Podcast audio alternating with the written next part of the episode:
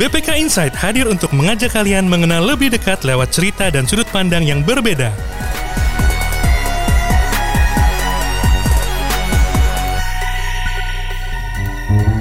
Sahabat pembelajar, BPK Korpu yang luar biasa. Episode kita pagi ini kita akan berbincang-bincang, sharing, inspiring dengan narasumber kita Profesor Dr. Bambang Pamungkas, MBA, AK, CSFA, CPA, CA. Topiknya ini keren banget nih. Pemeriksaan kinerja bagi sektor publik. Luar biasa. Prof. Bambang, selamat pagi. Selamat pagi, Pak. Salam Dwi. sehat. Alhamdulillah, salam sehat. Saya ketemu Pak Bambang ini Hah? makin muda, ya. makin energik ya. gitu ya? Waduh. Tapi kalau lihat dari rambut dan sebagainya sudah putih semua, Pak. Iya, iya. tapi syukur alhamdulillah lah saya masih bisa sehat. Alhamdulillah. Bisa- Terima kasih waktunya. Ya. Eh, sahabat pembelajar, kita akan belajar dari learning journey eh, Prof. Bambang Pamungkas. Eh, Pak Bambang ini sudah berkiprah di dunia sektor publik ini lintas kementerian lembaga. Bisa diceritakan, eh, Prof, gimana sih awal karir ya? Iya. Ini sambil menelusuri ruang waktu ya, ketika awal baru eh, studi ya, Iya, kemudian iya. masuk di pemerintahan. Monggo Pak, bisa sambil cerita. Baik, Pak Dwi, ya ini saya mau apa bercerita lah ya lebih banyak pengalaman saya yang kurang lebih kalau sampai hari ini itu saya sudah sebagai aparatur sipil negara sudah 39 tahun nih 39 nanti di apa bulan April insya Allah kalau ada kesempatan dari Allah ya sudah bisa mencapai 40 tahun 40 tahun. 40 tahun. Nah, itu perjalanannya cukup panjang. Panjang betul. Panjang sekali. Jadi diawali saya kan dari anu sekolah kedinasan. Mhm. Pasti saya itu dari Sekolah Tinggi Akuntansi Negara. Saya itu masuk tahun 80. 80. Sehingga ketika masuk itu waktu itu menjadi CPNS di lingkungan Kementerian Keuangan, Pak Dwi. Kementerian Keuangan. Itu di Direktorat Jenderal Pengawasan Keuangan Negara. Mhm. Itu sampai 1982 tuh. Mhm. Nah, kemudian berdasarkan perkembangan yang ada, ya rupanya waktu itu ada apa? Direktorat Jenderal Pengawasan Keuangan Negara itu rupanya oleh pemerintah presiden ditingkatkan menjadi BPKP. Oke. Sehingga kami semua yang di Direktorat Jenderal Pengawasan Keuangan Negara Kementerian Keuangan Mhm. beralih tuh ke mana? Ke BPKP. Itu di era 9 Eh, era 8, 1983 tuh Pak. Dwi. Oke. 1983 itu waktu masih sekolah itu udah pindah semua. Hah? Jadi tepas banget ya Pak, begitu selesai direktorat ini Iya. dikembangkan. Oke. Ya alhamdulillah. Nah terus dalam perjalanannya itu terus di BPKP itu sampai tahun 2003 Pak. Dwi. 2003. Ya, tahun 2003. Ya, mulai tahun 2004 awal itu saya ditugasi oleh pimpinan BPKP untuk ke Kementerian Dalam Negeri. Kementerian Dalam Negeri. Nah, waktu itu rupanya di Kementerian Dalam Negeri ada pembentukan Direktorat Jenderal baru, Pak. Itu namanya Direktorat Jenderal Bina Administrasi Keuangan Daerah. Ya, ya, ya. Nah, waktu itu saya ditugasi oleh pimpinan ke Kemendagri. Mhm. Ya, akhirnya saya ke Kementerian Dalam Negeri. Mhm, mhm. Ya, di sana. Nah, kemudian kurang lebih dari 2004 sampai dengan 2011 saya itu di 2004, Kementerian Dalam Negeri. Mhm, mhm. Ya, di- terasa juga Pak ya 2004 2011. Iya, lama juga itu. Dinamika lagi mengembangkan keuangan daerah. Keuangan daerah waktu itu kan, ya karena waktu itu apa di Direktorat Jenderal Bina Administrasi Keuangan Daerah, rupanya apa Kementerian Dalam Negeri perlu membentuk apa yang tadinya satu direktorat Mhm. di bawah apa Dirjen Otonomi Daerah. Mhm. Itu karena tadi dinamika keuangan daerah itu apa eh, mulai berkembang sejalan dengan juga itu dulu kan tahun 2003 2004 kan mulai paket keuangan Hmm. negara tuh Pak. Paket Di- keuangan negara betul. Ah, rupanya kebutuhan di daerah begitu termasuk membentuk Dirjen eh, Bina Terus Keuangan Daerah. Nah, saya ditugasi di sana Hmm. Iya. sampai 2011. 2011. Ya. Nah, kemudian di 2011 ini lagi-lagi ditugasi juga saya sama pimpinan Ya, ya untuk ke BPK. BPK. Nah, waktu itu di BPK saya di apa? diberikan amanah sebagai staf ahli ya Hmm. mengenai eh, pemerintahan daerah lah, Pemerintahan keuangan daerah. pemerintah daerah. Nah, di tahun 2011 Hmm. itu sifatnya saya waktu itu masih apa? pegawai BPKP yang dipekerjakan. Hmm. Tapi di tahun 2012 2012. Nah, saya akhirnya dilimpahkan Pak Dwi Wah, sehingga apa? hijrah ya, hijrah. Betul hijrah ya, bukan dipekerjakan tapi dilimpahkan.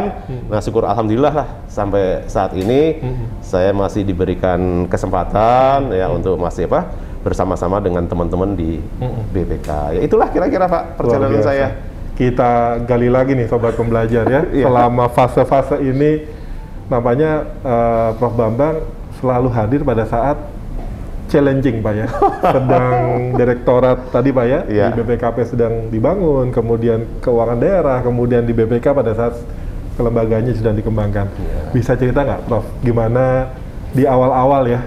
Kan berarti eh, waktu dari D3 ya, dari Iya. STAN ya, kemudian mulai penugasan membangun eh, pengawasan ya pada saat itu. Kemudian juga saat itu kan sedang ada program ya Pak, capacity building Iya. untuk studi lanjut ya Pak ya Iya. di eh, universitas di beberapa negara. Eh, apa sih fase-fase pada saat itu Pak? Iya. Kayaknya akuntabilitas juga sedang dibangun ya pada saat itu.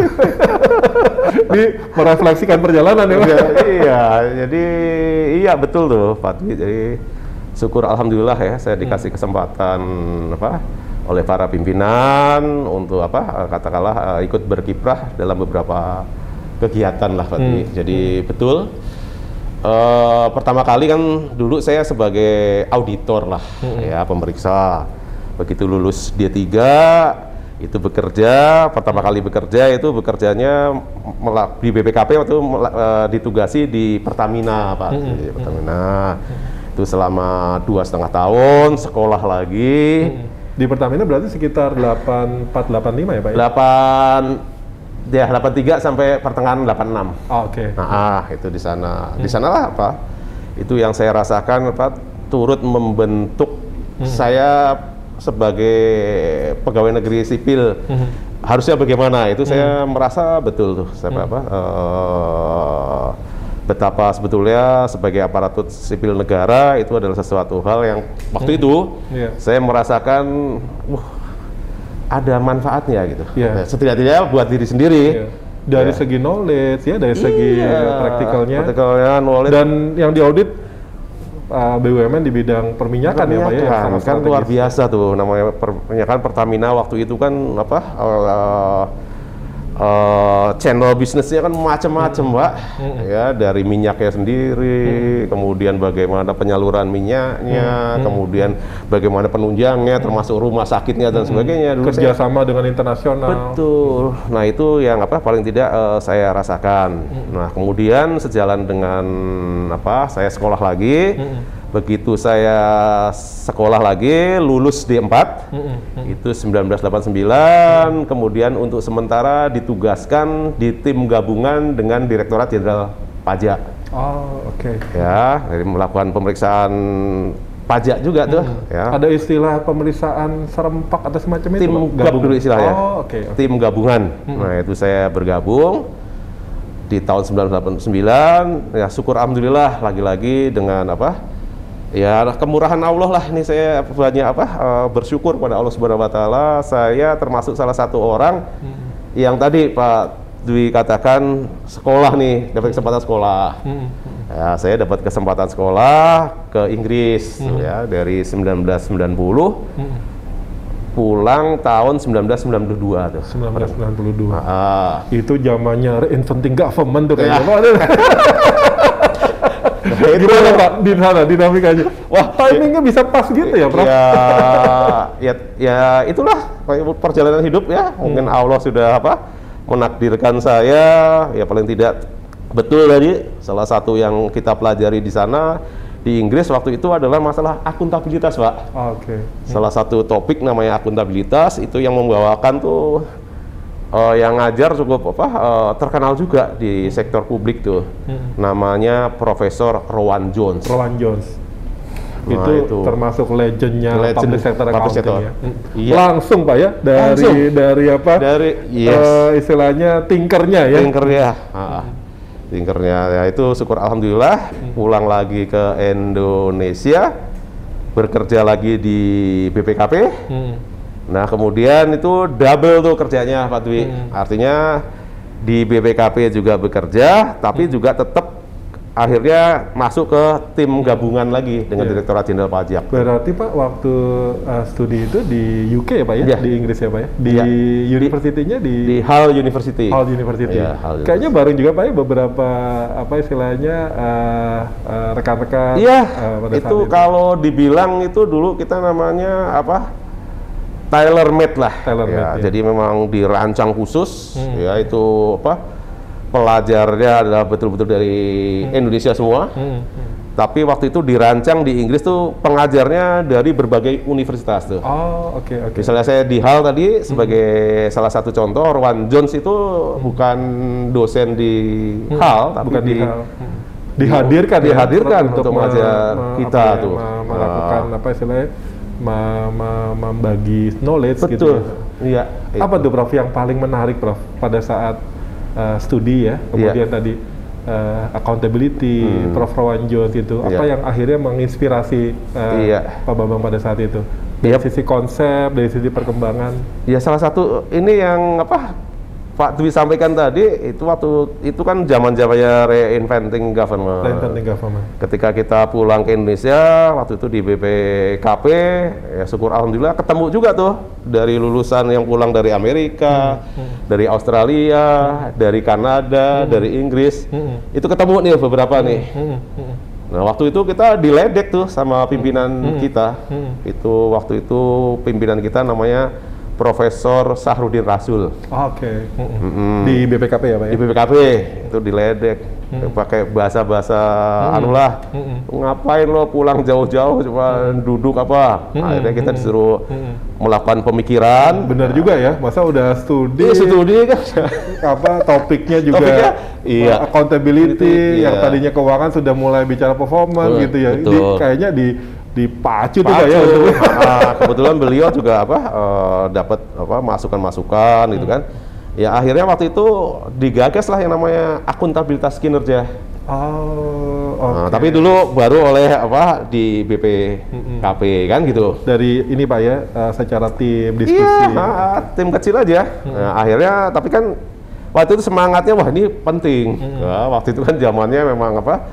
Di kita kan di tahun 1990-an itu kan lagi rame-ramenya Betul, ya betul. perlu apa? Bagaimana pertanggungjawaban pemerintah dan sebagainya. Nah, ini ada konsep ini.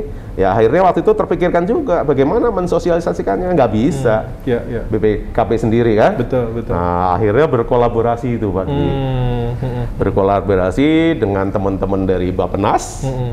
kemudian di dari apa eh, waktu itu di Sekretariat Negara Hmm. Dan juga dari teman-teman lembaga administrasi Hmm. negara. Jadi dari apa kelompok diskusi, Iya, kemudian di challenge, kemudian diskusinya menjadi uh, diperluas untuk apa pemerintahan kita ya iya. Pak ya. Nah, itulah yang apa paling tidak fase yang apa cukup apa eh, menarik. Hmm. Nah, kalau tadi saya cerita Pak Dwi kan tadinya sebagai pemeriksa nih kita kan. Hmm.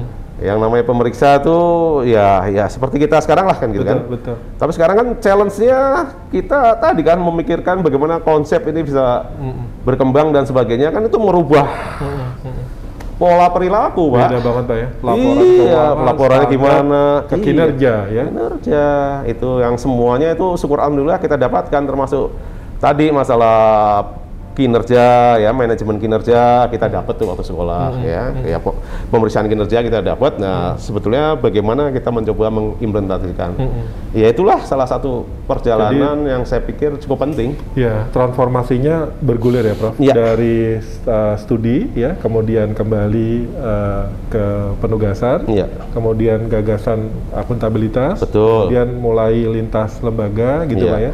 Kalau nggak salah kemudian juga ada impresnya Pak ya Ada. terkait dengan akuntabilitas. Bisa Betul. diceritakan tuh gimana Prof? ya kalau Proses perjalanannya itu ya.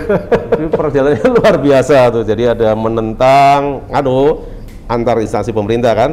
Ya intinya kan ada pingin apa eh, menonjol duluan Iya. dan sebagainya kan. Ya. Kalau awalnya Prof kalau boleh diceritakan Prof eh, perspektif akuntabilitas sebelumnya Mm-mm. ya, kemudian dengan gagasan akuntabilitas kinerja Iya. itu gimana sih Prof perubahannya? Nah, anu paling tidak waktu itu yang kita pelajari yang namanya akuntabilitas di pemerintahan tuh paling tidak ada dua lah yang harus disampaikan oleh pemerintah bagaimana mereka berakuntabilitas. Satu akuntabilitas keuangan, Oke. satu akuntabilitas kinerja. Kinerja.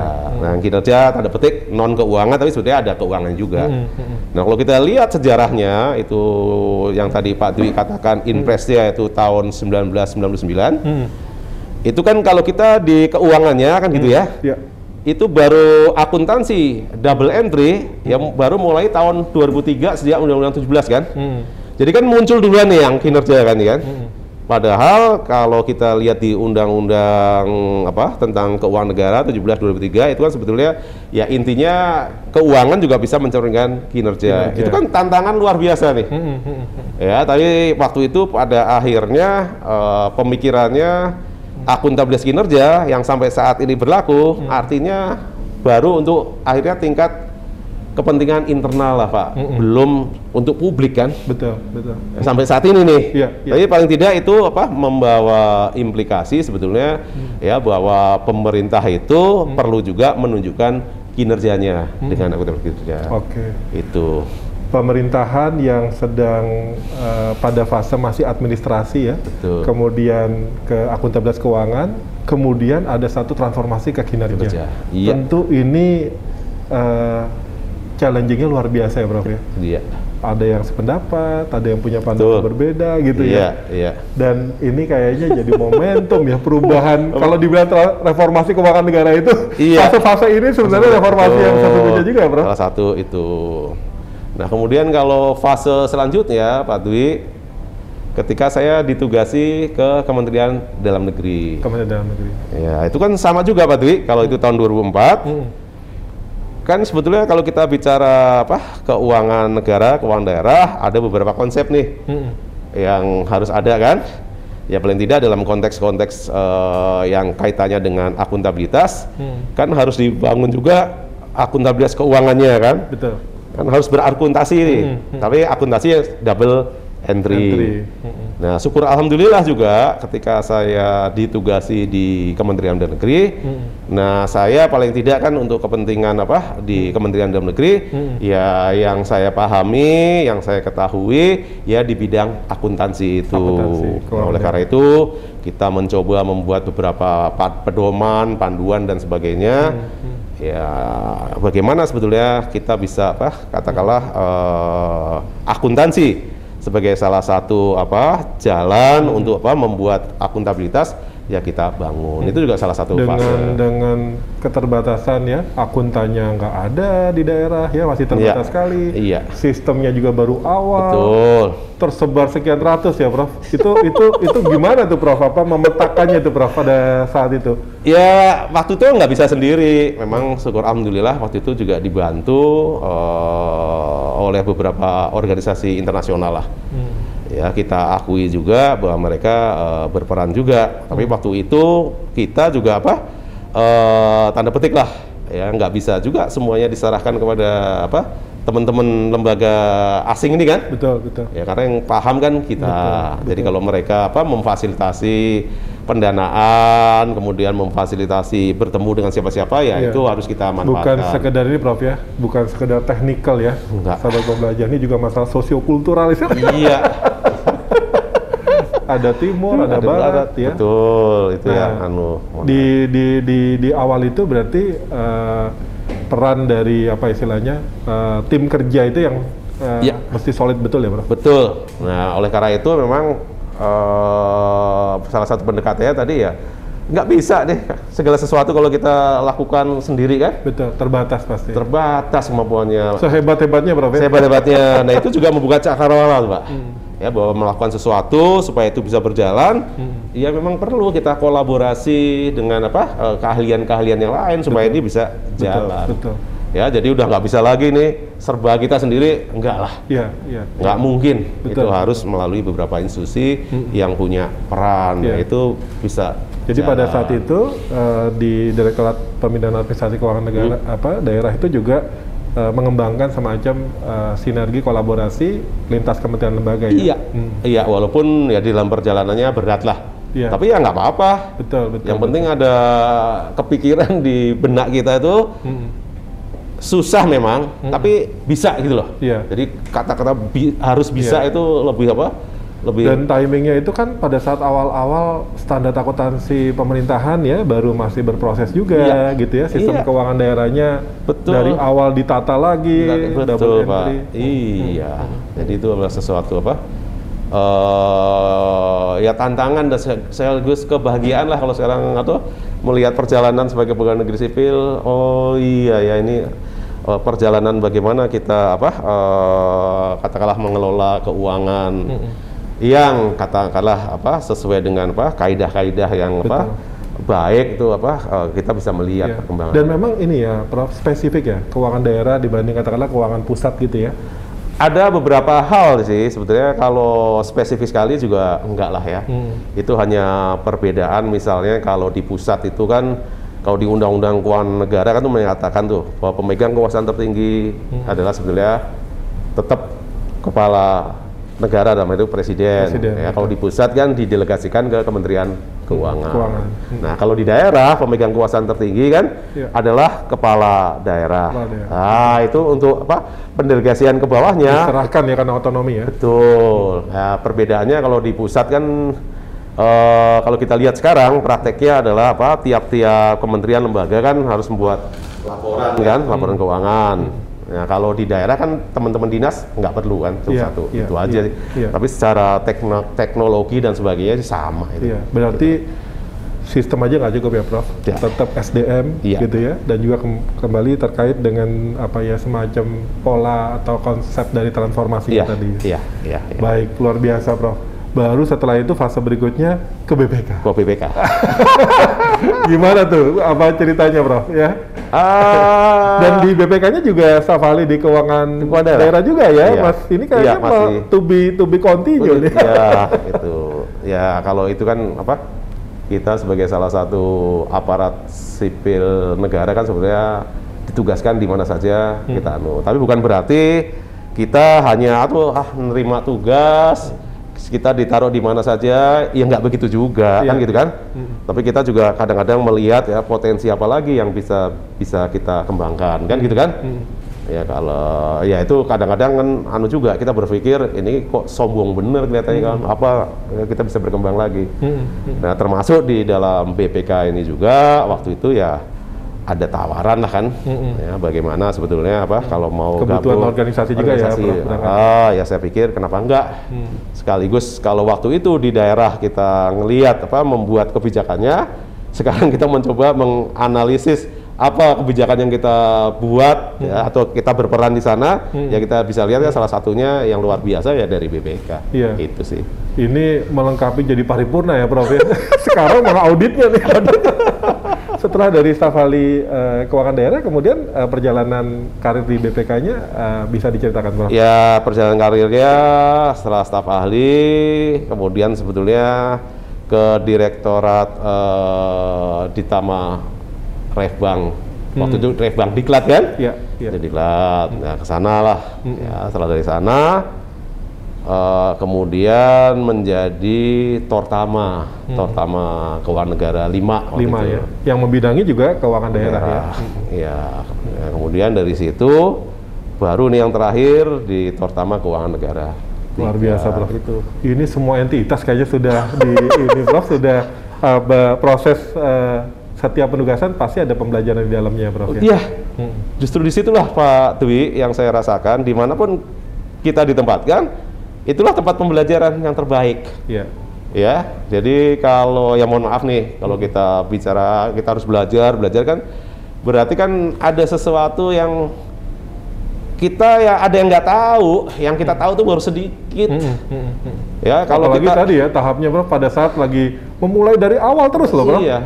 Nah itu kan kalau kita nggak ada niatan untuk apa terus mengupdate gitu ya, nanti jadi lupa. Saya sering bercanda nih dengan teman-teman, tapi mohon maaf nih, Iya. ya teman-teman profesi kan kalau saya kan akuntan kan gitu kan. Saya kalau dengan teman-teman selalu cerita, Mm. kita jangan jadi bekas akuntan. Mohon maaf nih, kata-katanya kadang-kadang kasar gitu kan. Betul, betul. Tapi sebetulnya implikasinya bukan berarti kalau kita sudah lulus selesai belajar, Hmm. kan enggak kan? Hmm, betul. Ya rupanya dalam perjalanan hidup saya itu apa eh, sesuatu tuh harus kita terus Mm-mm. Sesuatu baru Iya. dan juga jangan ya mohon maaf nih ya merasa kita paling tahu, Hmm. dah janganlah Mm-mm. itu, Itu- buang jauh-jauh Itu eh, ini ya, Prof. eh, memandekkan diri ya kalau menghentikan Iya, iya, itu. iya, Padahal iya. kita belajar dari siapa saja. Iya. Ya dari adik-adik kita yang baru masuk. Wah, mereka kalau sekarang kan canggih, Pak. Iya, iya, Ya, iya. belajar masalah Jadi digital sih. kesempatannya sebenarnya lebih terbuka ya generasi muda kita. ya. Iya, untuk anu. Baik, eh, Prof Bambang, eh, tadi ya mulai dari eh, studi ya eh, D3, kemudian melanjutkan ke D4 ya, studi untuk S2, kemudian berbagai penugasan. Kita semakin tergambar ya bahwa eh, pola pembelajaran itu justru eh, sejalan dengan pola penugasan. Iya. Baik, sahabat pembelajar, kita lanjut lagi bincang-bincang kita. Sharing storytelling dari Prof. Bambang dari pengalaman pola pembelajaran penugasan tadi, Prof tentu banyak perspektif ya, Prof dari pola kerja, budaya kerja, dari eh, kelembagaan sebelumnya, kemudian ke kementerian, kemudian ke BPK. Kira-kira eh, apa yang menarik tuh, Prof dari sisi apa ya istilahnya eh, budaya organisasi, budaya kerja, pola kerja gitu apa yang eh, Prof bisa eh, pelajari gitu untuk Iya. kami. Jadi gini Pak Dwi, kalau dulu nih kita para pegawai negeri sipil kan, wah dulu tuh yang namanya PNS Pak, Pak Dwi, itu katanya apa eh, adalah eh, pelayan masyarakat kan gitu kan? Hmm. Kan itu anu tuh, paling tidak bagi saya pribadi sebagai pelayan masyarakat itu menjadi salah satu budaya. Oh, tugas kita itu adalah untuk melayani masyarakat. Hmm. Kan itu. Itu yang waktu itu tertanam tuh di awal Iya, kan, iya, iya. tertanam. Mindsetnya lah. sebenarnya. Mindsetnya, ha, ha. walaupun mungkin apa dalam beberapa hal di dalam prakteknya gitu yang namanya melayani masyarakat itu apa sih? Hmm. Bahkan kan kebalik-kebalik, nggak karuan-karuan kan? Betul, betul. Kadang-kadang kita sebagai aparatur negara malah minta dilayani masyarakat. Tapi kan waktu itu terbentuk nih. Hmm. Nah kemudian di dalam perjalanan katakanlah waktu sekolah, Hmm. ya kan sekolah saya dapat ya gratis kan sekolah itu kan? Hmm, dia siswa. beasiswa kan itu terpikir dapat beasiswa sampai S2 kan? Itu makin anu makin bikin hati ini waduh ini kok makin banyak ya saya sebetulnya tadi. Berhutang lah kepada masyarakat yang mereka yang bayari kita kan? Nah itu adalah salah satu apa budaya yang paling tidak tertanam di saya lah. Hmm. ya walaupun itu nanti akan dipengaruhi juga di mana kita bekerja. Hmm. Ya misalnya di BPKP pak Hmm. ya waktu itu BPKP kan kita sebagai auditor Hmm. juga kan gitu kan ada satu tuh yang bagus yang paling tidak apa me- apa menginspirasi saya itu pimpinan kita tuh Hmm. itu Pak Dr. Gandhi beliau kan terakhir juga sebagai anggota BPK Anggota BPK. itu ada satu pak. Itu yang selalu beliau apa sampaikan kepada apa kita kita itu anu Pak, bahwa kejujuran adalah mahkota pengawasan. Betul betul. Itu selalu beliau ingatkan. Ya, Ingatkan kan? Kejujuran adalah mahkota pengawasan. Hmm. Jadi kalau kita bicara mahkota, itu adalah sesuatu sebenarnya kita ditempatkan pada satu posisi tanda petik kan. Mm-mm. Orang mahkota kan berarti Mm-mm. ada kedudukan yang tinggi kan. Mm-mm. Tapi kedudukan yang tinggi itu harus disertai dengan kejujuran. Itu sesuatu yang melekat tuh. Mm-mm. Ya, budaya budaya itu melekat. Mm-mm. Nah, di dalam perjalanannya sampailah misalnya saya yang terakhir di BPK, itu sebetulnya kan budaya itu ada di kita, Pak. Mm-mm. Walaupun kita menyebutnya itu adalah nilai-nilai yang di apa? dianut di BPK, ya nilai-nilai di IP dasar. itu loh, Iya, nilai iya. dari dasar itu. Mm. Kan ada integritas, independensi, profesionalitas. Mm. Dan saya pikir itu kan sesuatu hal yang kalau kita renungkan, kalau kita apa eh, coba pahami dan sebagainya, Mm. ya paling tidak tadi ya masalah kejujuran juga sesuatu yang harus ada gitu loh. Mm. Bisa menjadi pegangan ya. Menjadi pegangan. Di mana pun kita ditugaskan. Iya. Mm. Mm. itu adalah sesuatu hal ya kayak artinya jujur dalam hal ini ya di segala hal Mm. Mm. itu apa misalnya ya kalau kita di katakanlah pola-pola kerja Mm. pemeriksa itu biasanya bekerja satu tim Ya. Dengan satu tim itu ada jenjangnya Hmm. anggota tim ketua tim pengendali teknis Hmm. penanggung jawab dan kepada strukturalnya Ya.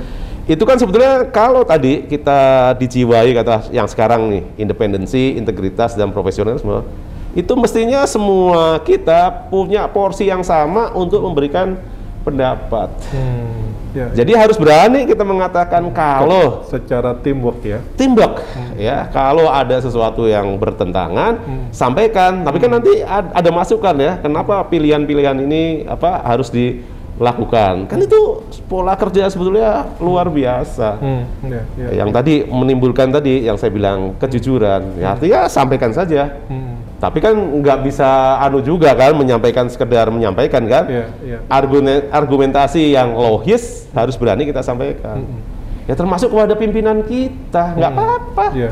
Berarti masalah komunikasi jangan jadi sangat utama ya, Bro.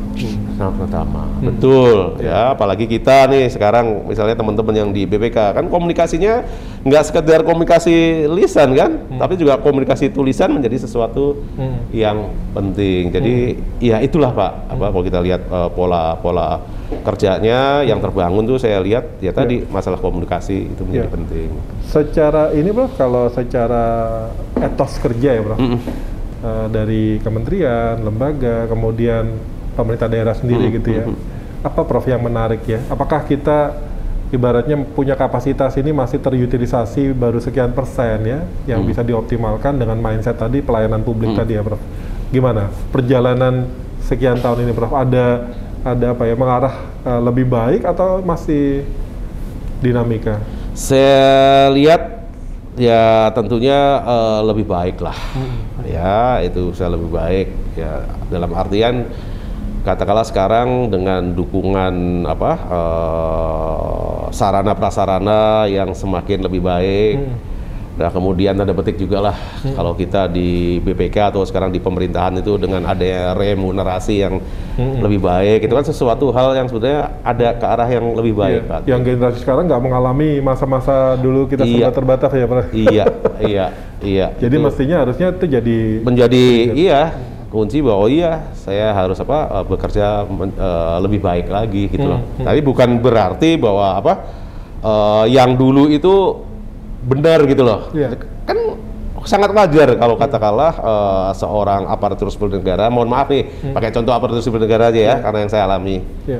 kita bekerja katakanlah dengan sungguh-sungguh tetapi sebetulnya pekerjaan itu melulu hanya untuk apa eh, tadi ya untuk pekerjaan kita Hmm. padahal kan sebetulnya mohon maaf kan kita punya keluarga juga Iya, iya, iya. punya tetangga punya saudara kan itu harus dipikirkan juga kan Betul, betul. Iya kan? Hmm. Ya artinya dalam hal ini adalah eh, bahwa apa eh, ketika kita apa bekerja yang sekarang ini menjadi lebih baik, tapi ya tadi Hmm. porsinya tetap harus apa? Hmm. Harus proper lah. Jadi yang namanya kita bekerja itu ya kalau dulu kan senang orang kalau perlu kerja sehari 24 jam kan gitu kan? Saya rasa itu nggak benar lah Hmm. dalam pengalaman hidup saya ya. Iya. Walaupun kita dulu mungkin mengalami, Pak Dwi Iya, juga iya, mengalami kan? Iya, iya, iya. Karena begitu besar ya tanggung jawab kita, Hmm. kita coba apa yang di harus selesaikan kita selesaikan. Ya, Jadi kadang-kadang mesti seimbang ya, Prof. iya harus seimbang lah, Hmm. kita harus seimbang Iya. itu sih Pak. Secara pengalaman dan penugasan memang nampaknya karakter auditor ini menjadi ini juga ya, menempa juga ya Prof ya Menempa, tadi ya. iya. Kerja tim, kejujuran, integritas ya. Iya. Eh, dan itu eh, nampaknya menjadi semacam key critical success factor ya. Iya. Nah, yang yang mestinya di, di- dibangun terus menerus. Iya, Prof. iya. Nah, ibaratnya ini, kalaupun masih ada gap saat Hmm. ini ya, Prof ya, eh, terkait budaya kerja, terkait etos kerja, Hmm. pola kerja, apa sih yang baiknya kita bisa lebih tingkatkan, Prof? Ya paling tidak kan tadi kalau pengalaman saya dimulai dari diri kita sendiri. Hmm. Jadi kita mau kerja tuh apa sih Hmm. yang kita harapkan? Hmm. Kan itu. Hmm. Dan kemudian satu hal lagi, eh, ya mohon maaf nih, ini nyinggung-nyinggung masalah dan ini s- menjadi paling penting lah. Hmm. Bahwa hidup kita itu tidak hanya di dunia loh Pak Dwi. Hmm.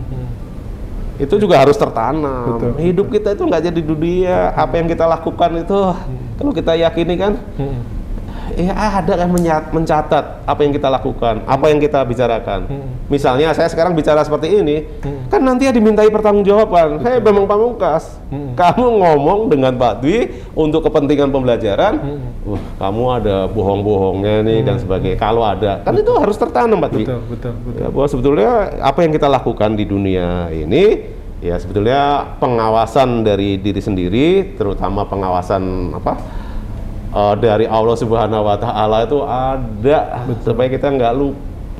Jadi aspek spiritual Wah, di samping nilai-nilai sosial tadi. Ya, itu salah satu Pak Dwi. Kalau tadi kita bicara akuntabilitas, ketika waktu itu saya apa mensosialisasikan kepada siapa pun ya teman-teman instansi, itu saya katakan ini yang kita sampaikan ini adalah akuntabilitas administrasi ya. Hmm. Tapi ada satu hal yang penting saya bilang adalah akuntabilitas spiritual. Iya, iya, iya. iya. Tanpa akuntabilitas spiritual sudahlah. Iya. Semua pasti dan harus dipertanggungjawabkan itu ya? Iya, intinya kan itu. Kalau di Jadi- dunia ini pertanggungjawabannya secara administrasi ini loh caranya Iya, kan gitu iya, kan. iya. Tadi dengan keuangannya bagaimana, kinerjanya Iya. bagaimana. Iya, iya. Tapi ada satu lagi itu yang Iya. kita harus Nah, ini ada satu perkembangan juga Prof yang menarik ya. Hmm. Eh, Akuntabilitas keuangan, akuntabilitas kinerja, kemudian sistem pengendalian internal ya Oke. menjadi satu apa muaranya gitu Iya, ya. iya, iya, iya. Apalagi tadi ya, ini tidak sebatas administrasi, Iya. tidak sebatas keuangan, tapi juga kinerja. Nah, kemudian eh, regulasi sendiri juga Iya. menguatkan ya dengan sistem pengendalian internal itu seperti apa sih, Prof? Eh, semacam eh, mengkonekkannya gitu ya antara keuangan, kinerja dan sistem pengendalian internal itu sendiri, Prof. Iya, jadi gini sih Pak Dwi, kalau yang saya pahami sistem pengendalian internal kan salah satu instrumen aja. Hmm. Ya, instrumen bagaimana kita atau suatu organisasi mencapai tujuannya. Iya. Itu dibangun sistem pengendalian internal. Internal. Kan begitu Pak Dwi? Iya, iya. Kan intinya sebetulnya itu. Jadi eh, kalau kita ya mau berorganisasi Iya. dan mau apa yang kita lakukan, Hmm. ya bagaimana kita bisa mencapai tujuannya ke sana. Hanya saja Hmm. dalam rangka kita beradministrasi di pemerintahan untuk mencapai tujuan tuh ada beberapa Hmm.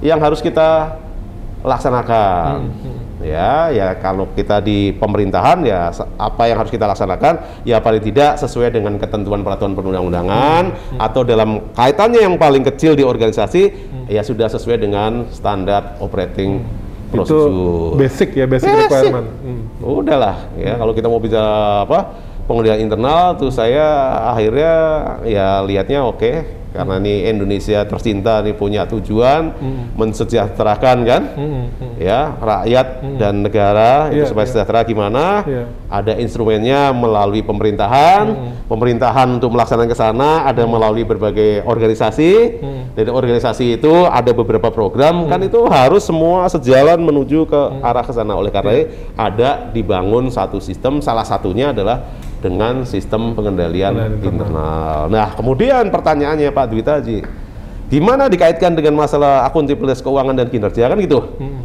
Nah sekarang kita kembali kalau sekarang ya mohon maaf nih Hmm. pakai bahasa-bahasa sekolahan nih Hmm. Hmm. ya Ya. kan dengan pengendalian internal tujuannya paling tidak ada tiga lah.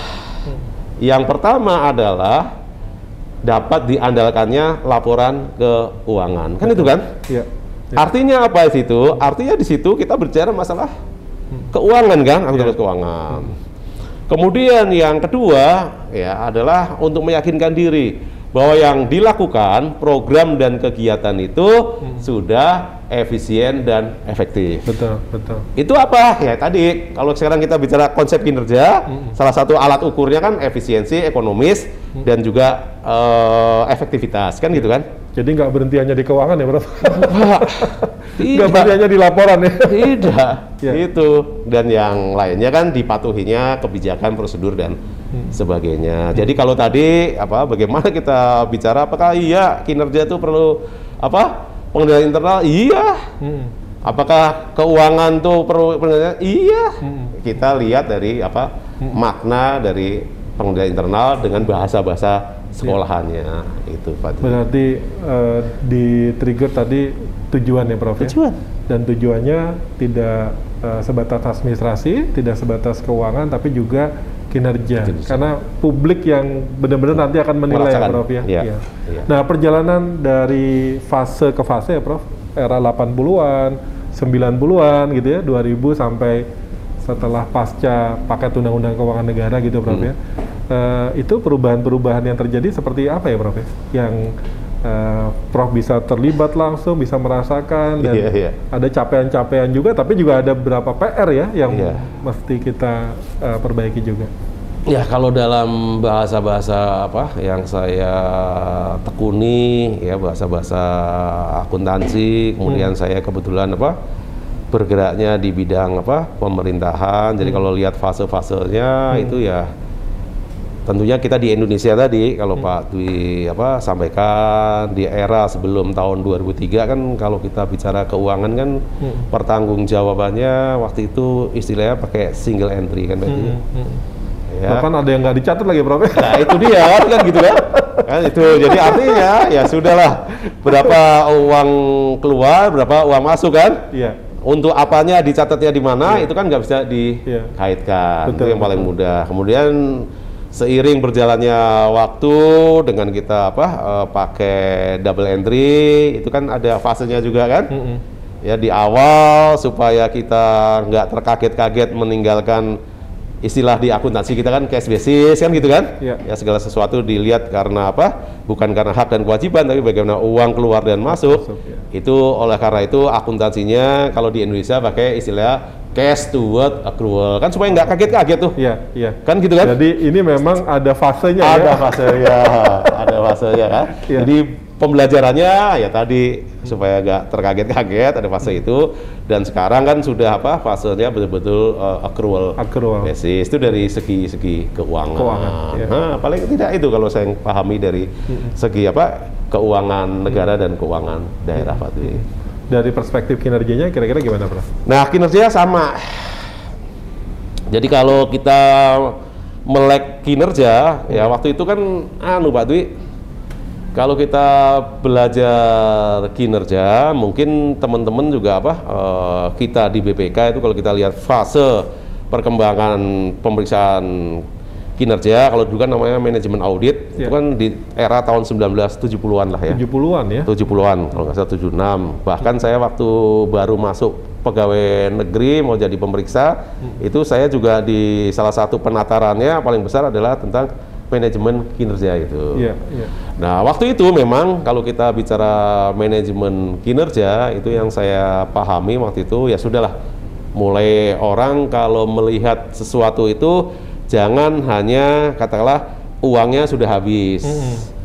Uangnya apa katakanlah eh, itu betul-betul lebih apa ekonomis dan sebagainya. Kan nggak cukup Sampai itu. ada istilah Prof ya pada saat itu anggaran itu harus dihabiskan harus gitu ya. dihabiskan kan gitu kan, Kan gitu. Belum ke hasil ya. belum ke hasil nah akhirnya kan tuntutan masyarakat nanya nih. Hmm. iya Bapak bisa menghabiskan anggaran misalnya kalau bangun sekolah, sekolahnya jadi murah. Apa itu? Kan enggak Iya. dipakai atau enggak. Betul, betul. Kan mulai tuh ya, mulai ke arah kalau bahasa-bahasa kita output jadi sekolahan nggak cukup kalau nggak dipakai semua rusak dan sebagainya kan ya nggak ada gunanya. Betul, Orang mulai bertanya itu sekolah dipakai atau enggak? Kan begitu kan? Mm, mm. Ya, kemudian kan lebih eh, jauh lagi. Kalau sekolahnya sudah dipakai, itu bener gak sih murid-muridnya tuh menjadi pintar? Mm, mm, mm. Kan perkembangannya kalau kita bicara output, outcome, outcome-nya nggak sekedar outcome yang apa level-level rendah, kan? Bukan sekedar ada kelasnya, ada gurunya, kualitasnya ya, ya? kualitasnya.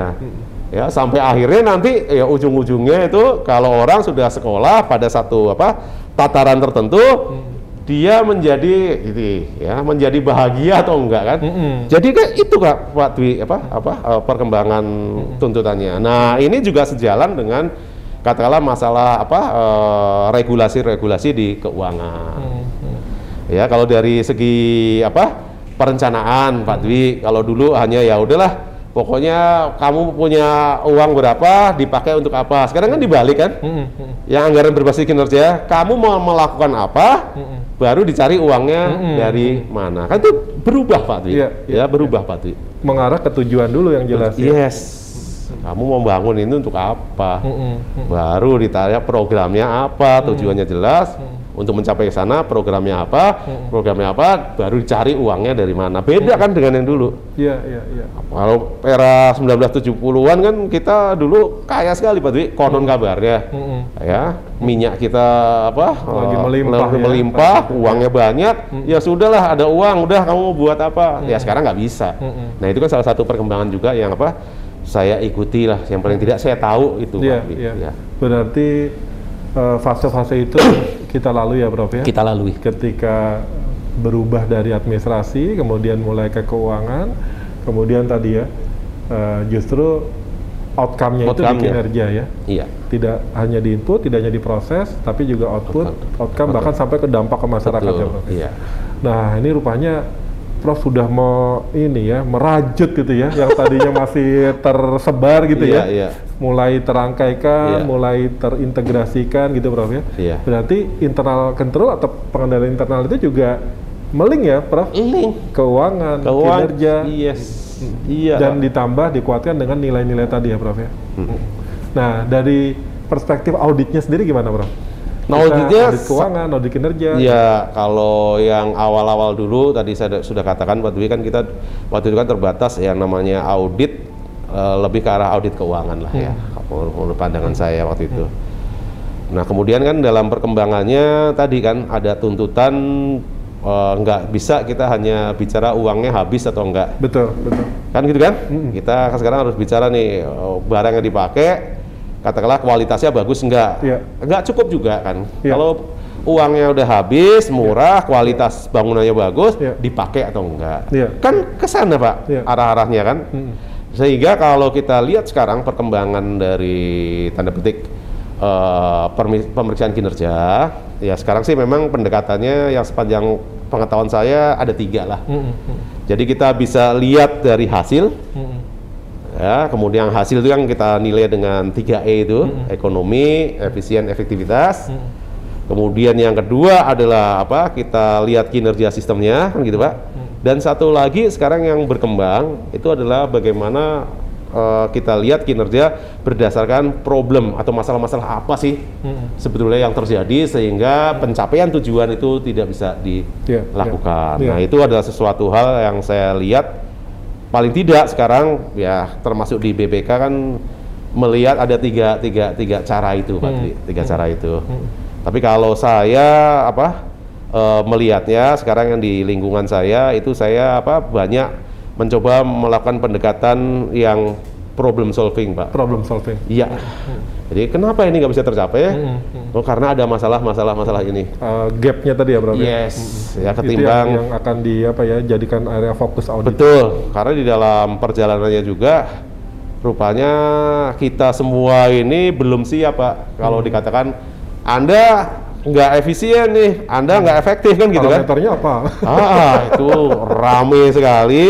Nah, sehingga kok dengan kecenderungan katakanlah kalau pemeriksaan kinerja kan sebenarnya rekomendasi kita bisa dijalankan. Hmm. Jadi kalau kita bisa menyatu dengan apa objek yang kita periksa, tapi menyatu tanda petik ya, Ya, ya. dalam rangka mencapai tujuan bernegara yang sama, ya kelihatannya pendekatan apa eh, Problem solving. problem solving itu saya lihat sekarang apa lebih lebih anu lah, Ya. lebih bisa Berarti diterima. eh, ini ya, Prof. eh, akhirnya auditnya pun juga terangkaikan ya, Prof. Iya. Bagaimana di audit keuangan, kemudian di audit kinerja, gitu Iya. ya, dengan berbagai apa pendekatan. yang Pendekatan, ada. iya. Nah, Prof, kalau dari segi konfigurasinya, Prof ya, kan di satu sisi ada manajemen kinerja, Iya. ya kan, kemudian ada evaluasi laporan kinerjanya, kemudian audit kinerjanya. Iya.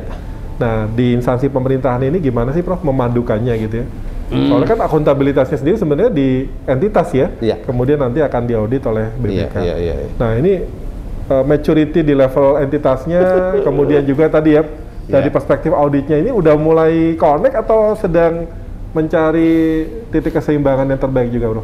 Kalau saya lihat masih mencari titik keseimbangan Pak Dwi. Hmm. Tapi paling tidak apa konsepsi mengenai kinerja Hmm. itu sudah mulai terbangun lah. Bahkan di konsep anggaran ya, Prof? Iya. Dulu ada istilahnya anggaran uh, basis kinerja, kemudian ke basis program gitu ya. Paling iya. tidak semangat itu sudah. Sudah, Hmm. sudah ada. Kan kalau sekarang kan kewajiban setiap instansi pemerintah bahkan apa setiap eselon 2 wajib membuat renstra. Apa isinya renstra, ya apa yang ingin kita capai dalam beberapa tahun ke depan kan gitu Pak. Jadi untuk mencapai ke, apa, ke beberapa program itu eh, apa sih eh, maaf tujuan apa sih program-program yang harus Iya. dilaksanakan. Itu yang di era 70-80-an kan apa accountability-nya aja belum terbangun ya. Belum, 90-an iya. ke sini sudah mulai. Sudah mulai kan sudah ada tuh Pak Dwi. Bahkan kalau kita kaitkan tadi dirangkaikan dengan keuangannya, oke kalau Anda mau membuat apa eh, anggaran ya misalnya anggaran tahun 2022, nah, coba kemukakan apa yang Anda lakukan di tahun 2021 kan gitu Pak Dwi. Iya, iya. Kemudian apa yang akan Anda lakukan di tahun 2022 dan apa yang Anda lakukan untuk tahun 2023 Di trigger untuk mulai merencanakan. merencanakan Ha, ha, jadi ada kesinambungan kan kalau Hmm. saya perhatikan tuh nah itu kan sebenarnya rangkaian bagaimana keuangan dengan kinerja itu bisa apa bisa menyatu Gitu. Berarti nanti eh, mudah-mudahan audit kinerjanya juga makin akan makin menguatkan juga, Prof ya. iya Apa istilahnya penguatan dari segi Betul. sistem ya, kemudian proses, Proses dan, dan akuntabilitasnya tadi. Nah, kalau eh, Prof Bambang melihat eh, untuk audit kinerja sendiri ya, problem Ya. solving tadi Ya. ya, memang eh, yang saat ini eh, dikembangkan Ya. terutama di AKN 3. Ya. Itu eh, keunggulannya apa sih Prof kalau kita menggunakan pendekatan problem solving? Ya tadi paling tidak apa sih dari segi psikologis sih yang saya lihat pak ya jadi saya dalam perjalanan saya ketika apa melakukan pemeriksaan itu kan sekarang konsep pemeriksaan aja atau audit orang kan berbeda-beda Betul, betul. Ya, saya nggak pernah diajarin tuh Pak Dwi, kalau namanya audit itu adalah mencari-cari kesalahan, enggak kan? Iya, iya. Tapi kan orang persepsinya masih itu kan, Betul, saya betul. diaudit, saya dicari kesalahan. Betul, apalagi bertubi-tubi. Waduh, Betul, makin betul. pusing. Kan itu kan, apa kan? Iya. Padahal hakikat pemeriksaan, ya tadi sebenarnya kita ingin membandingkan apa yang Anda lakukan dengan apa yang kriteria yang Anda gunakan, kan gitu kan? Nah sebetulnya kriterianya ini juga kalau perlu ya Anda lah yang buat kan karena Anda yang pegang itu sehingga kalau apa eh, dengan pendekatan yang problem solving itu ya kalau saya melihatnya nih oh iya memang Anda belum bisa mencapai tujuan secara efektif dan sebagainya karena masalahnya bla bla bla bla ya kita kasih tahu kan gitu kan? Ya walaupun sebetulnya dengan bahasa-bahasa ini nggak efektif nih kan sama juga kita ngasih supaya efektif ya anda ini harus melakukan A B C D kan? Beda kalau kita mengatakan anda tidak efektif dibandingkan ya efektivitas anda belum tercapai karena bla bla bla bla itu saya melihatnya lebih apa dari arah psikologis saja sih Gitu. walaupun Jadi, jadi ini ya seperti apa mudah mengidentifikasi gitu ya Prof ya. Mm. Kemudian juga nanti kan arahnya ke rekomendasi ya Prof ya. iya Hmm. ujung-ujungnya Artinya kalau misalnya dipetakan dari sekian masalah di keuangan negara ini terkait dengan kinerja eh, soal efektivitas, Iya. efisiensi gitu ya, keekonomisan, kalau itu udah jelas problemnya kemudian bisa di solve dengan audit itu Ya, hasilnya akan lebih lebih baik. oke. Nah, karena s- sebetulnya kan tadi kalau saya pakai bahasa-bahasa saya ke teman-teman tuh entitas saya mengatakan ya Bapak-Bapak sekalian Ya kita ini diberikan amanah masing-masing, Iya. tapi amanah-amanah yang disampaikan kepada kita sebenarnya tujuannya adalah satu, Hmm. ya teman-teman entitas ya mendapatkan amanah untuk menjalankan program. Hmm, Kami mendapatkan amanah untuk melihat bagaimana sebetulnya pelaksanaan program yang ada. Tapi kan sebenarnya ujung-ujungnya sama. Hmm. Iya, iya. Kita ingin mencapai apa yang ingin dicapai dari program itu. Berarti ya Prof, yang namanya audit sebagai kebutuhan, Iya. ya, audit yang memberi kemanfaatan, itu bisa diwujudkan. Bisa. Audit sangat bukan jadi beban, audit bukan Nah. jadi apa ya istilahnya Iya. satu hal yang seolah-olah eh, dari masalah ke masalah Iya. gitu ya, dari temuan ke temuan Betul. gitu ya. Eh, Kira-kira eh, gimana, Prof, supaya terbangun tadi ya? Iya Pak. Jadi saya teringat nih ya, perjalanan saya sebagai seorang auditor. Jadi sebagai auditor tuh kalau saya sering bercanda berdasarkan pengalaman, jadi saya mengatakan senyummu adalah tangisku. Iya iya iya. ya jadi sebetulnya kita sebagai seorang auditor kan ya kita Iya. Mencoba apa senyum Iya, baik dan iya. sebagainya. Tapi buat apa teman-teman Iya. kita Itu itu ibaratnya bahasa-bahasanya Prof ya? iya kan gitu kan ya itu kan harus kita rubah kan mindset itu ya sehingga kita rubah ya paling mudah tadi kalau bahasa bahasa saya saya dapat amanah ini anda dapat amanah ini ya kemudian kalau dalam satu siklus administrasi pemerintahan memang ada yang namanya siklus audit tapi itu merupakan satu kesatuan utuh harusnya begitu Jadi nggak melihat apa seperti opposite ya, Bukan. berseberangan, tapi Bukan. justru untuk bisa mencapai tujuan. yes Dan ini di audit kinerja ya, Prof? Salah Iya. satu yang bisa mempertemukan tadi ya. Di audit keuangan pun bisa, Pak Dwi, Hmm. menurut saya. Karena audit keuangan itu kita sebagai auditor ini, Hmm. ya perilaku kita adalah tadi membantu, kalau istilah saya, Iya. meningkatkan kredibilitas dari pertanggungjawaban keuangan. Hmm. Artinya gini, Bapak nggak usah takut.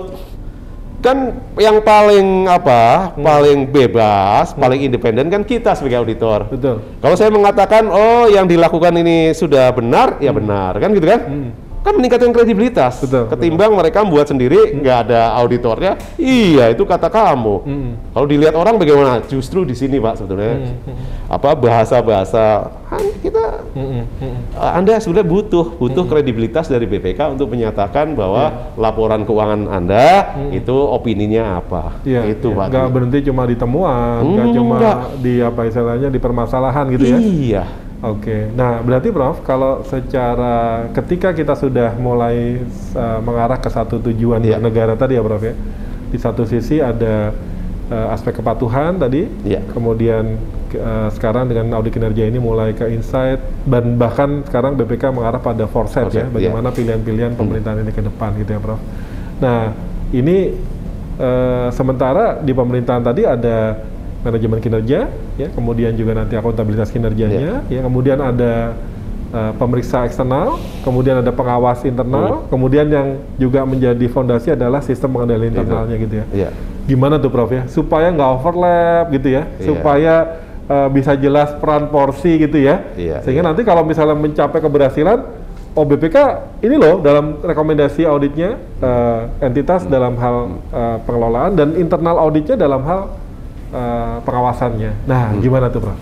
Nah, sebetulnya itu kita harus duduk bersama lagi mendudukan porsi dan posisi masing-masing Pak Dwi. Hmm. Jadi maksud saya begini, itu betul. Katakanlah sekarang dalam bidang audit ya. Hmm. Itu kalau kita di pemerintah apa? Katakanlah pemerintah kabupaten. Hmm.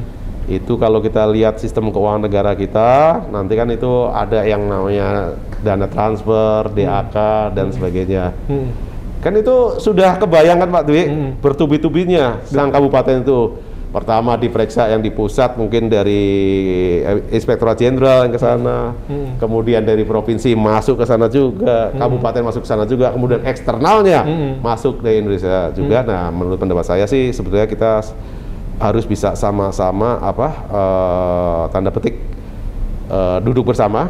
Hmm. Kalau perlu digelar tuh Hmm. Hmm. selama lima tahun ke depan itu apa yang menjadi porsi dari masing-masing lembaga tadi tanpa mengurangi tanda petik ya eh, kewenangan dan sebagainya. Hmm. Gelar aja Pak Dewi. Iya, iya. Jadi Ya. ada proses apa perencanaan Perencanaan bersama. yang mengarah pada apa istilahnya mapping ya dan Iya. juga apa me- me- mengoptimalkan Iya. masing-masing fungsi dan peran. Iya, iya. Karena dari sisi entitas auditnya kan tidak melihat itu Pak, ya kan? Mau dari auditor internal maupun eksternal Iya. kan saya diaudit kan gitu ya. Iya.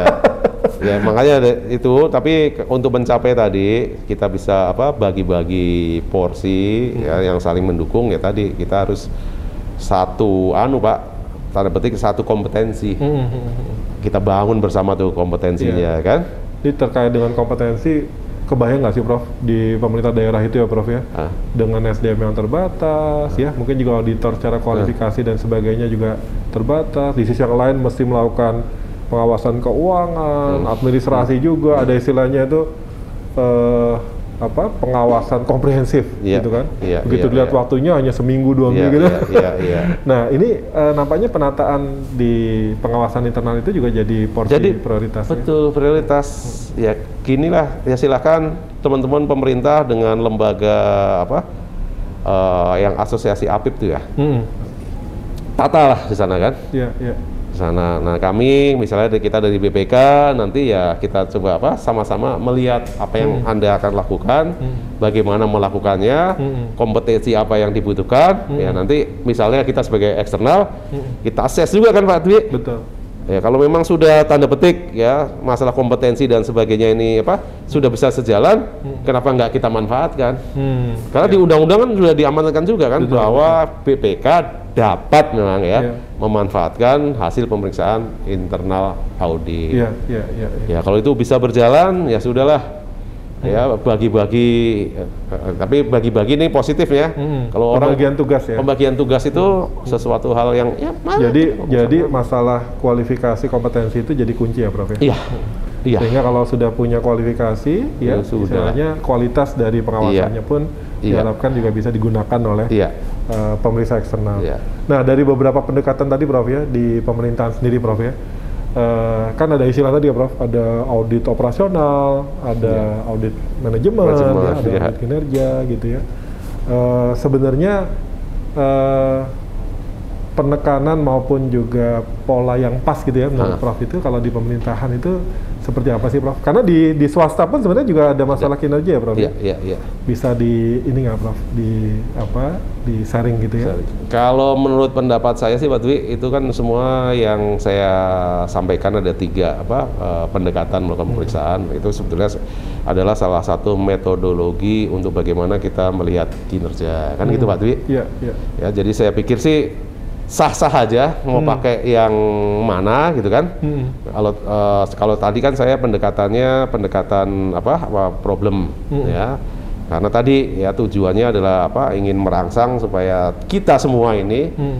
yang berubah mulai tahun 2003 kan gitu kan. Iya. Yang tadinya tak berkinerja sekarang disuruh berkinerja kan itu ada lompatan-lompatan sehingga Momentum uh, reformasi keuangan negara ya? Betul. Nah itu kan yang supaya nggak terkaget-kaget gimana mungkin sampai sekarang ini kalau kita lihat, wah kan udah lama nih 2003 sampai 2021 udah 18 tahun. Ya rupanya memang apa? Itulah yang terjadi kan gitu. Tadi ya fase-fasenya harus dilalui. Betul, ya. Sulawesi. Dan termasuk kita kan Pak Iya. di BPK juga ketika melakukan pemeriksaan kan tadi ya fasenya kalau selama ini kita tuh pendekatannya sistem kalau Pak Dwi perhatikan kan. Iya, lebih banyak sistem. Sistem kan, Ya. Nah, bagaimana perencanaannya, pelaksanaan, monitoring kan, Hmm. kemudian sudah mulai beranjak sekarang bagaimana mengenai kinerja efektivitasnya kan gitu kan. Hmm. Ya, sekarang ada pendekatan lagi bagaimana problem solvingnya yaitu merupakan apa? Hmm. Satu hal yang ya sudahlah kita jalani aja. Hmm, hmm. Ya, nanti kita cari yang terbaik di mana. Tapi kalau secara metodologi sih boleh-boleh aja, Pak Dwi. Iya, Saya lihat iya. boleh-boleh aja. Berarti ini akan menjadi satu uh, bidang yang terus berkembang ya, Prof. Oh iya, Termasuk juga di uh, entitas pemerintahan tadi Iya. manajemen kinerja, Iya. kemudian dari pengawasan kinerjanya, kemudian dari perspektif uh, pemeriksaan Iya. BPK. iya. Tapi arahnya itu sudah satu uh, satu visi ya, Satu Prof. visi. Mm-mm. Nah, dari beberapa permasalahan tadi ya, efektivitas, efisiensi, keekonomisan tadi, Prof. Dari pengalaman audit Iya. terutama saat ini Iya. ya, Prof. ya. Itu sebenarnya PR kita di mana sih Prof yang paling uh, dibenahi? Ketika kita bicara masalah efisiensi Pak Dwi, Hmm. Ya, kalau kita bicara efisiensi dalam tataran-tataran konsep kan sebenarnya yang namanya efisiensi membandingkan antara output dengan input. Hmm. Ya, outputnya jadi ada misalnya tadi kita membangun rumah, kemudian kan inputnya kan ya sumber daya yang digunakan ya, ya bisa uang dan sebagainya. Nah sebetulnya kalau Pak Dwi lihat, ya memang namanya konsep efisiensi atau efektivitas harus membandingkan ya, itu menjadi sesuatu hal yang penting. Jadi kita nggak usah ragu-ragu kalau membangun rumah di Pulau Jawa atau jembatan di Pulau Jawa, ya itu sebetulnya lebih harusnya lebih murah dari kalau kita membangun di Papua. Hmm. Jadi kalau di Papua kita bicara bi- kenapa membangun jembatan dengan apa konstruksi yang sama di sana satu miliar, kok di apa di Pulau Jawa hanya katakanlah 500 eh, juta, Hmm. lu kenapa? Berarti di sana tidak efisien. Hmm. Jangan juga ngomong begitu, Hmm. karena tadi kan masalah apa membangun apa inputnya berbeda-beda. Konteksnya berbeda. konteksnya berbeda. Itu harus dilihat apa eh, konteksnya juga. Berarti perspektifnya itu tadi ya Prof, ya mesti luas ya, Luas. nggak bisa apple to apple nggak gitu bisa ya. nggak bisa. Walaupun kalau kita bahasa sekolahnya kan ya supaya bisa dibandingkan antara itu tapi nggak bisa semata itu. Tapi yang penting kita tahu konsepnya kalau kita mau bicara kinerja efisiensi harus ada pembandingnya. Bagaimana membandingkannya? Kalau di Papua kita bisa membandingkan antar kabupaten Papua ya silakan. Dari kabupaten A lebih efisien dibandingkan kabupaten B karena begini. Atau kita bandingkan kalau membangun jembatan di Papua ya standarnya berapa sih? Mm-mm. kalau kita sekarang bicara SBM, SBM itu loh. Mm. Kalau ada itu bandingkan aja, nggak apa-apa. Atau bahkan kalau perlu, oh iya tahun ini Papua lebih eh, di Kabupaten A lebih efisien dibandingkan tahun kemarin, kan nggak apa-apa. Betul, betul. Supaya dapat gambaran yang utuh juga gitu. Kita nggak bisa apa mengeneralisir kalau menurut pendapat saya sih. Iya. Lihat konteks apa Berarti secara konsep itu ada beberapa penyesuaian juga ya Prof? Iya. Kalau dari segi penerapannya. Iya, iya. Di sini tuh eh, yang tadi ya Prof, eh, kenapa pendekatan problem solving itu nampaknya eh, bisa jauh lebih pas gitu ya? Ah, Untuk saat ini ya? Ya untuk saat ini menurut pendapat saya ya, menurut saya. Ha.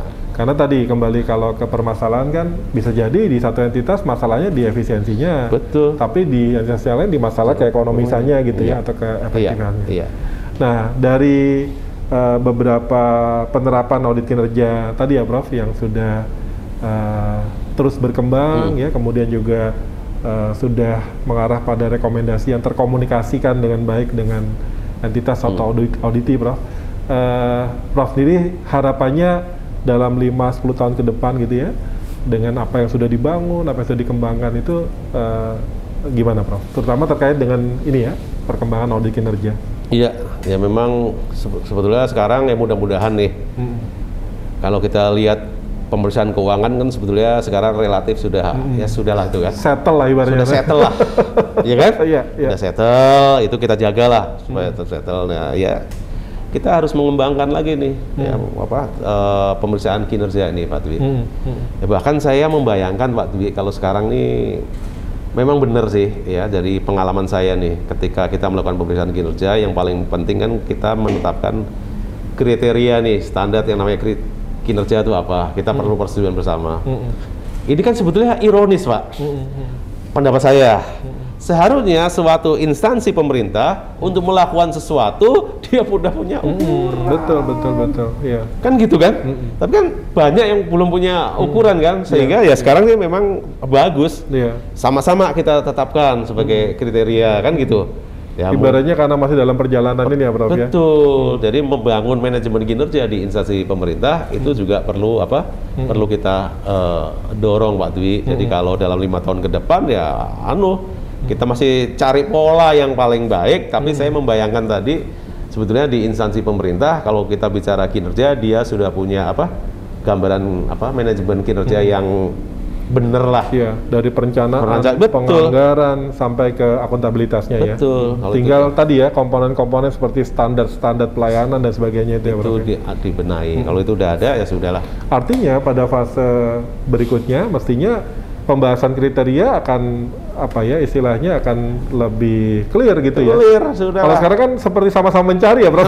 iya Iya, iya. ya kan kan anu tapi ya tapi itu yang terjadi sekarang ya kita lalui Mudah-mudahan rekomendasi-rekomendasi dari audit kinerja kita juga mendorong mendorong ke sana pak kualitas uh, Iya. manajemen kinerja tadi ya, iya Prof. ya. iya harus pak Nah, kemudian tadi Prof, ketika uh, BPK sendiri mulai mengembangkan dari insight ke foresight gitu ya, Prof ya.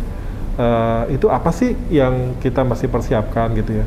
Sama juga ada istilahnya kalau sekarang kan general audit ya, Prof. Iya. Auditor harus siap segala jenis apa Iya, penugasan iya, iya. pemeriksaan gitu Iya, ya, iya, keuangan periksa, kinerja meriksa, ya kepatuhan bahkan eh, pemeriksaan apa eh, yang sifatnya lebih khusus gitu ya. Ya. Nah ini eh, bisa jadi kan masalah keterbatasan SDM juga ya Prof ya. betul Nah kalau menurut Prof itu memang sebaiknya spesialis gitu Prof ya, kemudian juga eh, menggunakan pendekatan apa istilahnya multidisiplin gitu atau eh, bagaimana Prof terkait dengan audit kinerja ini ya, Iya. pengembangan ke depan. Kalau pengembangan ke depan, kalau namanya pemeriksaan kinerja itu kan tadi sebenarnya antar instansi berbeda, antar program berbeda, ya antar kegiatan berbeda. Kan itu adalah sesuatu artinya kompleksitasnya tinggi ya Pak. Dwi. Nah kalau mau di apa dilakukan di BPK ya sekarang kalau memang bisa berjalan tuh saya pikir cukup bagus yang istilahnya uh, talent pool dulu Pak. Talent pool. Ya, talent pool, ya teman-teman itu kita bekali apa yang dimaksud dengan pemeriksaan kinerja. Nggak usah apa harus apa spesifikasi dia ahli namanya keahlian kan sangat banyak pak. Betul. Bisa kebayang BPK kalau Nggak mesti ahli kesehatan, ahli infrastruktur gitu ya. Enggak.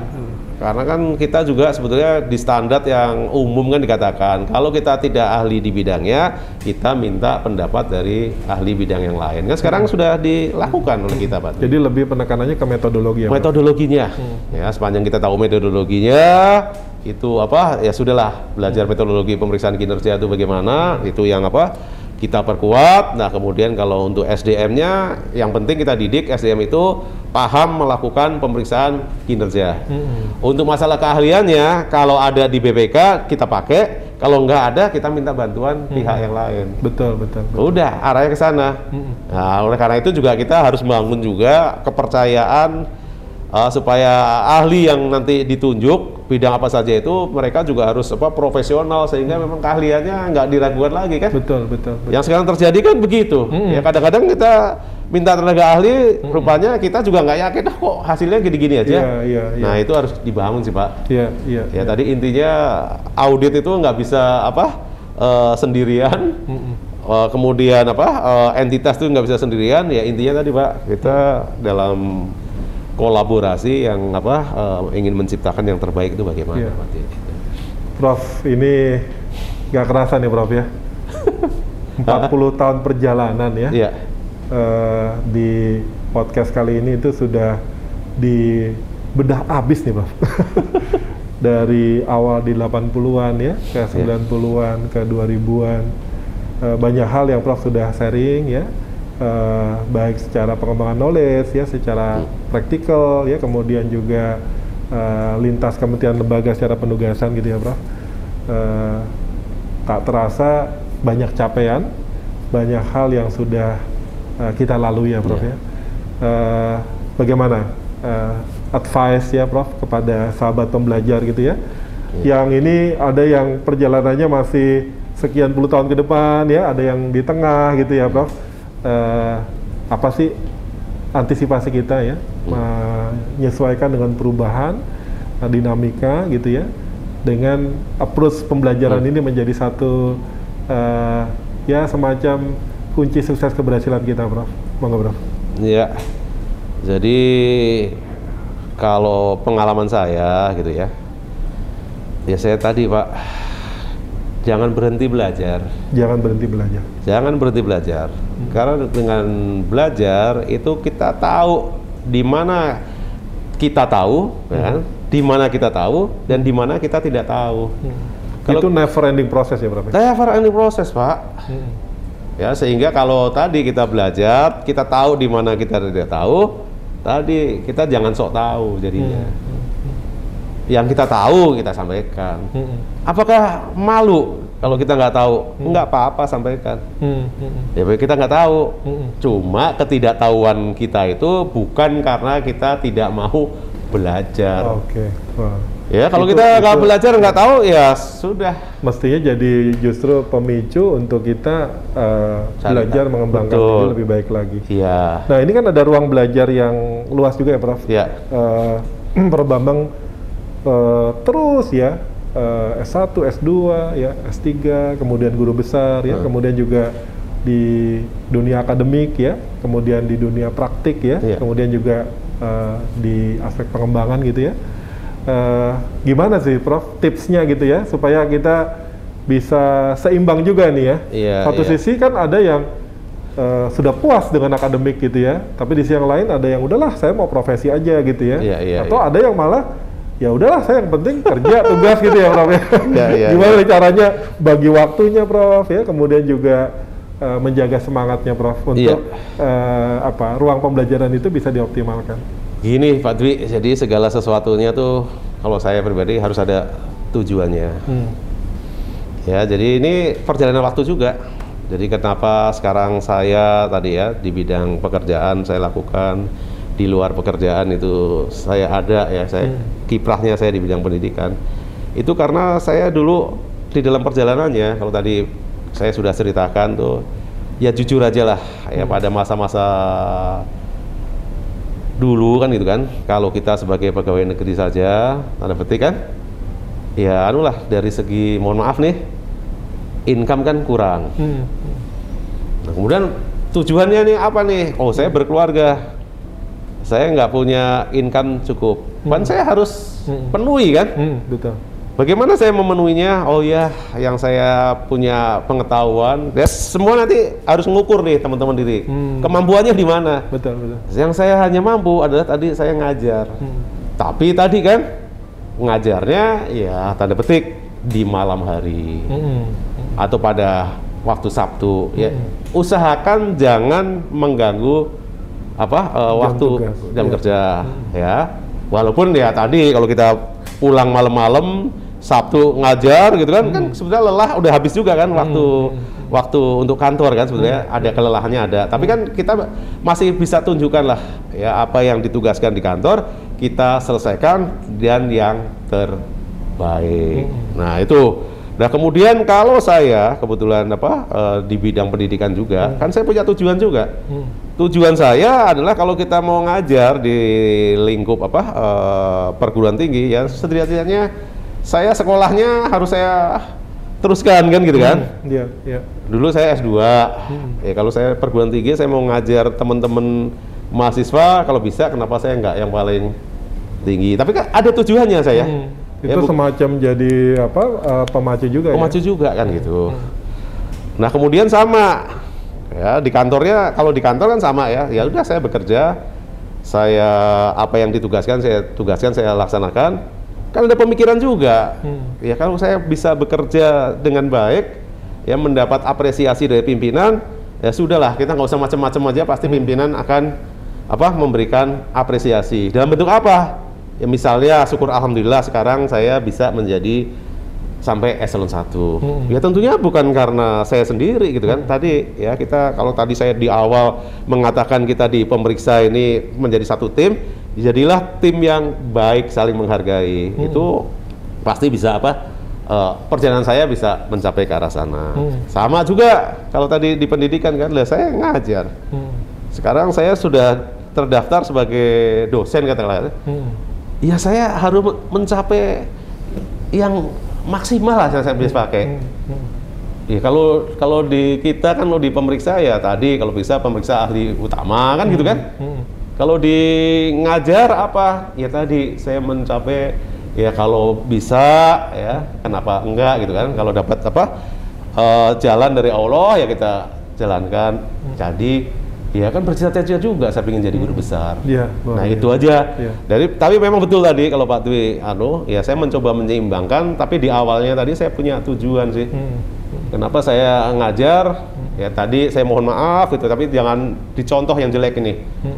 Kalau dianggap jelek ya karena tadi kan saya tadi kan konsep saya keluarga harus sukses kan kalau kita nggak sukses berarti keluarga tidak sukses. Betul. Bagaimana salah satu mensukseskannya saya bisa katakanlah menyekolahkan. Hmm.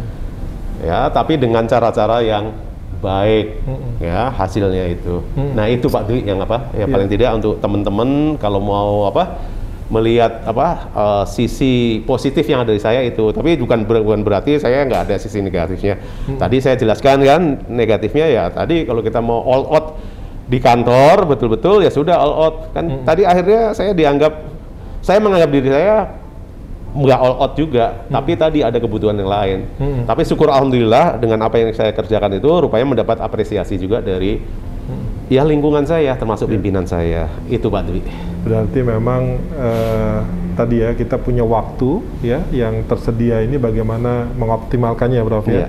Dan semua itu dikuatkan dengan tujuan, ya, bukan sekedar mengajar atau menjalankan tugas gitu ya.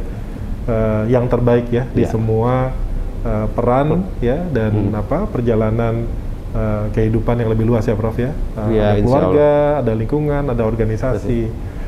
Mudah-mudahan ini eh, sahabat pembelajar yang lagi belum semangat tuh atau sedang apa eh, Mencari bentuk ya. ke depan ya Prof ya. Eh, Prof Bambang sudah melalui semua fase itu, alhamdulillah Prof Alhamdulillah. dimudahkan eh, dan juga eh, mendapatkan eh, peran ya dan apa kontribusi yang terbaik eh, untuk keluarga, untuk organisasi dan eh, skala eh, negara yang lebih luas. Eh, sekali lagi terima kasih Prof. Waktu eh, sharing berbagi eh, pengalaman ini eh, sebagai eh, akhir sesi ini Prof. eh, apa nih Prof closingnya gitu ya eh, untuk bisa memberi semangat kepada sahabat pembelajar eh, di BPK Prof. Monggo Prof. Baik, terima kasih Pak Dwi. Teman-teman, ya sahabat pembelajar, ya sesuai dengan tema pembelajar tadi ya saya nggak akan ragu-ragu mengatakan terus belajar.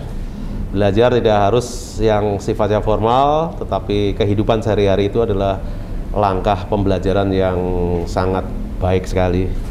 Kemudian berusahalah ya kita menjalankan sesuatu itu dengan keyakinan Hmm. ya terutama tadi ya kita jangan lupa ya bahwa hidup kita ini sebetulnya ada juga yang mengatur, ada yang mengawasi ya terutama yang mengawasi adalah ya tadi eh, kalau kita apa beragama dan sebagainya Allah Subhanahu wa taala akan selalu mengawasi kita tapi juga ya Allah Subhanahu wa taala akan selalu bersama kita.